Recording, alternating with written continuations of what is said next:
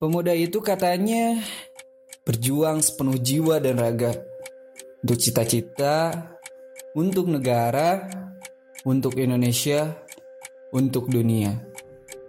Tapi coba tanya lagi.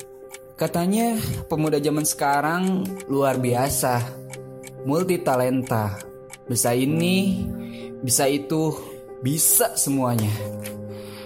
Atau kalian sebenarnya bingung aja, nggak tahu bakat apa yang sebenarnya kalian punya. Pemuda zaman sekarang hebat, bisa multitasking, atau susah fokus aja, jadinya gampang teralih perhatiannya. Pemuda zaman sekarang gak bisa dikekang, atau emang gak tahu aturan dan sembarangan aja. Pemuda zaman sekarang anti mainstream, biar apa? Biar beda. Beda itu keren. Gak mau disama-samain. Gak mau dibanding-bandingin. Atau apa? Anak muda zaman sekarang gila banget ngejar passion. Yakin gak itu passion? Atau ego yang terlalu besar sampai-sampai kepeduli sama sekitar.